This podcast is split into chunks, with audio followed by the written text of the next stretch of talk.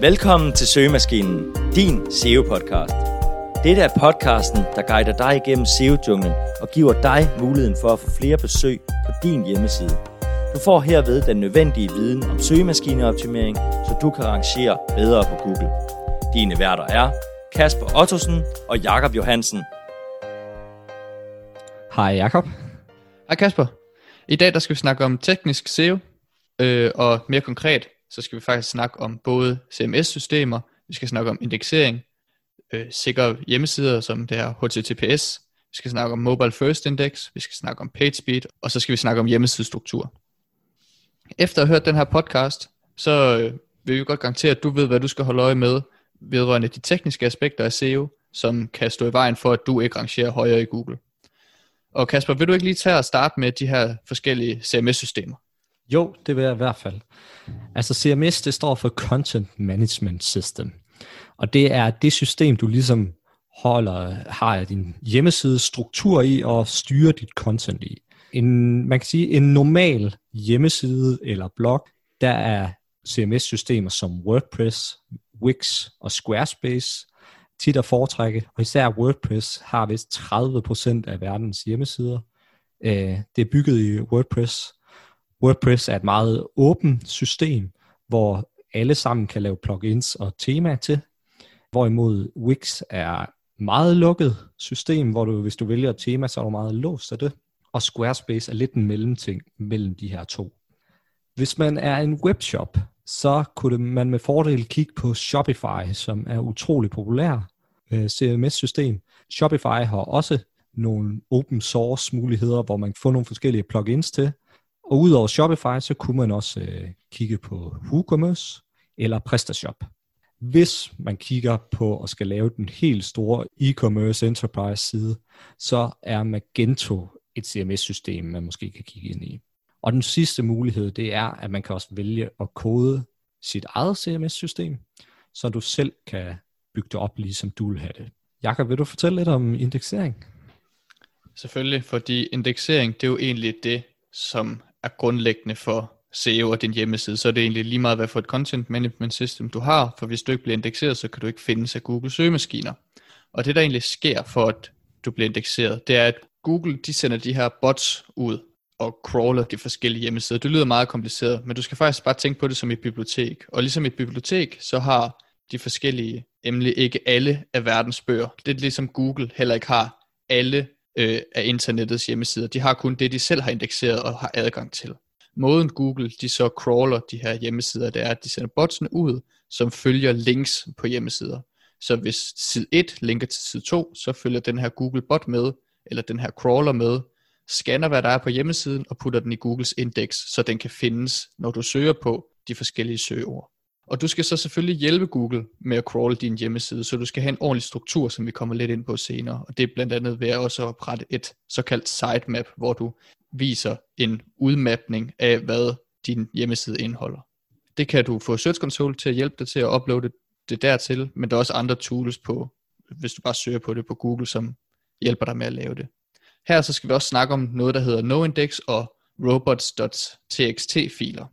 Noindex det er et tag, du putter på dine forskellige øh, URL'er, hvis du gerne vil have, at Google ikke skal have den her side i sit indeks, så det vil sige, at den ikke skal kunne blive fundet, når du søger på specifikke søgeord. Robots.txt er derimod noget, som fortæller Google, hvilke sider der skal crawles og hvilke der ikke skal crawles. Typisk så skal den her side ikke ændres, men det kan godt være en fordel at ændre noget, og så sige til Google, at du må ikke gå ind og crawl den her URL, for eksempel, det kunne være de her checkout-sider eller login-sider. Derudover så skal vi også lige omkring kort det, man kalder for et crawl budget. Og crawl budget, det er grundlæggende et budget for Googles crawling. Så de allokerer dig et specifikt budget til at crawl din hjemmeside, og når det er brugt op, så går de direkte videre. Derfor så er det en god idé at undgå sådan noget som redirect change, hvor du bliver ved med at redirect forskellige sider i for eksempel fem gange, indtil den bruger når til slutsiden. Fordi Google, de crawler alle de her fem sider, som egentlig bare bruges til at redirect. Det kan man også igen bruge det her robot.txt-filen til at ændre, ved at det såkaldt disallow Google til at crawl de her forskellige URL'er. Til sidst så er det også en god idé i forbindelse med indeksering at lave sig en såkaldt site search. Så det du gør, det er, at du skriver i Google site, kolon, og så dit domæne. Og her så får du alle de sider, der ligesom er indekseret i Google, og du kan scrolle igennem og se, om der er noget mærkeligt. Det, som vi typisk kigger efter, det er blandt andet de her title tags og metabeskrivelser.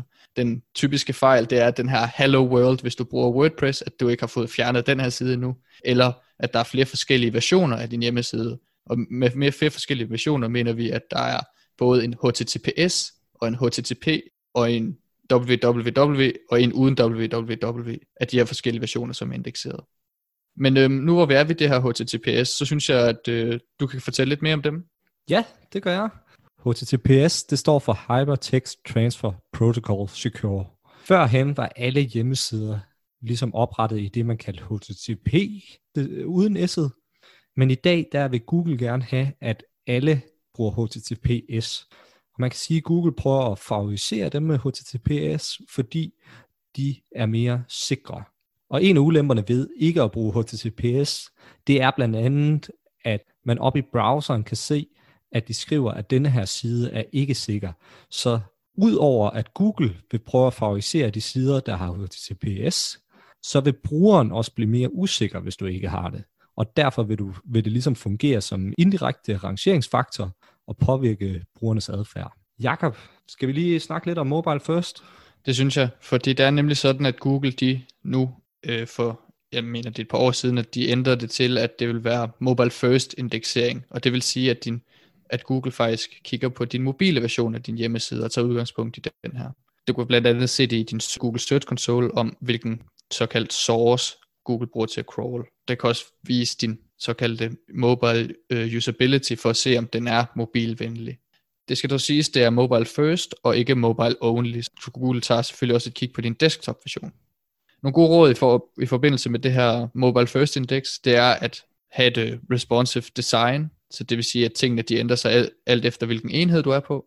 Det er også en god idé at se på, hvordan tingene de for eksempel ser ud på de forskellige versioner, altså desktop-versionen og mobilversionen. Så er dine CTA'er der, hvor det skal være, dine forskellige knapper osv., hvordan ser overskrifterne ud? Er de for lange, eller hvordan og hvorledes? Det er i hvert fald nogle gode råd. Så have alt dit vigtige content på mobilversionen, fordi det er den, der bliver indekseret først. Fedt. Så vil jeg lige snakke lidt om PageSpeed. For PageSpeed, det er, det er nemlig også en rigtig vigtig ting at kigge på. PageSpeed, det er, hvor hurtigt din side den loader, øh, og fungerer også som en form for indirekte rangeringsfaktor i Google. Øh, hvis du vil tjekke din PageSpeed, så kan du bruge øh, Google PageSpeed Insight, hvor du ligesom kan få en score fra, hvor hurtigt din hjemmeside er, og den går fra 0 til 100. Rygtet siger ligesom, at man kan blive straffet eller ikke favoriseret af, og, og hvis man er under 30, men der er ikke nogen sådan rigtig regel omkring det her, men der er bare mange undersøgelser, der viser, at jo hurtigere din side er, jo bedre vil du også kunne ranke. En ting, man skal lige være opmærksom på, det er, at Googles øh, uh, PageSpeed Insight Tool er en score for, hvor hurtigt den kan indlæse koden, og vil derfor ikke altid vise præcis, hvor hurtigt din hjemmeside bliver vist på forskellige enheder. Så derfor så vil det være en god idé også lige at prøve nogle gange at for eksempel hive din mobil frem og prøve at loade din side, og så se, går det egentlig så hurtigt, som det her tool det prøver at vise dig. Du kan selvfølgelig ikke måle det lige så præcis, men ligesom prøve at få en fornemmelse af, passer det her også i virkeligheden? Og en af de gode grunde til at gøre det, det er, at øh, udover det en direkte ranking factor, så er det også en indirekte. Fordi at hvis dine brugere de bliver træt af brugeroplevelsen, jamen fordi det går for langsomt, jamen så kan det være, at de bouncer, og derfor så smutter fra din side, og det vil påvirke dig negativt med SEO. Det er faktisk vist her, at jo længere tid det tager load, jo højere øger du, hvad hedder det, sandsynligheden for et bounce. Ja, man kan fx sige, at Amazon har lavet en, en undersøgelse, hvor de viste, at for hver millisekund, de forbedrer deres site, jo flere penge tjente de. Da Amazon er så en kæmpe side, så må man ligesom antage, at det, det også er gældende for alle andre, at, at jo hurtigere din side er, jo bedre brugeroplevelse giver det, jo bedre er din side, vil din side fungere. Jakob, vil du øh, lige snakke lidt om hjemmesidestruktur? Det kan du tro. Normalt så bygger man sin hjemmeside op, eller det er hensigtsmæssigt at bygge den op som en pyramide eller en silo-struktur. Øhm, og med silo så mener vi, at man bygger det op i de her forskellige content-kategorier. Så hvis jeg havde en computer hjemmeside, så vil jeg, eller en IT hjemmeside, så vil jeg måske dele den op i at skrive om, jeg havde en silo, der hed computer, en silo, der hed tablet, og en silo, der hed mobiltelefoner. Og så under de her forskellige sider vil jeg have alt mit content, som handler om computer, tablets og mobiltelefoner.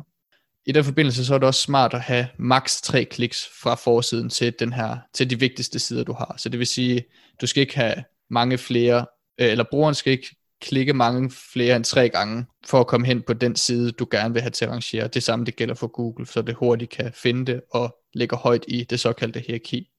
Når man snakker om struktur, så er det selvfølgelig også URL-strukturen, og der er en grundlæggende nogle, lidt nogle forskellige holdninger, men det handler generelt om at have en relativt flad struktur, og så snakker man nogle gange om, at der er lidt forskel mellem webshops og affiliate sites for eksempel, hvor at øh, en webshop typisk har kategorierne, underkategorierne, og så produktet.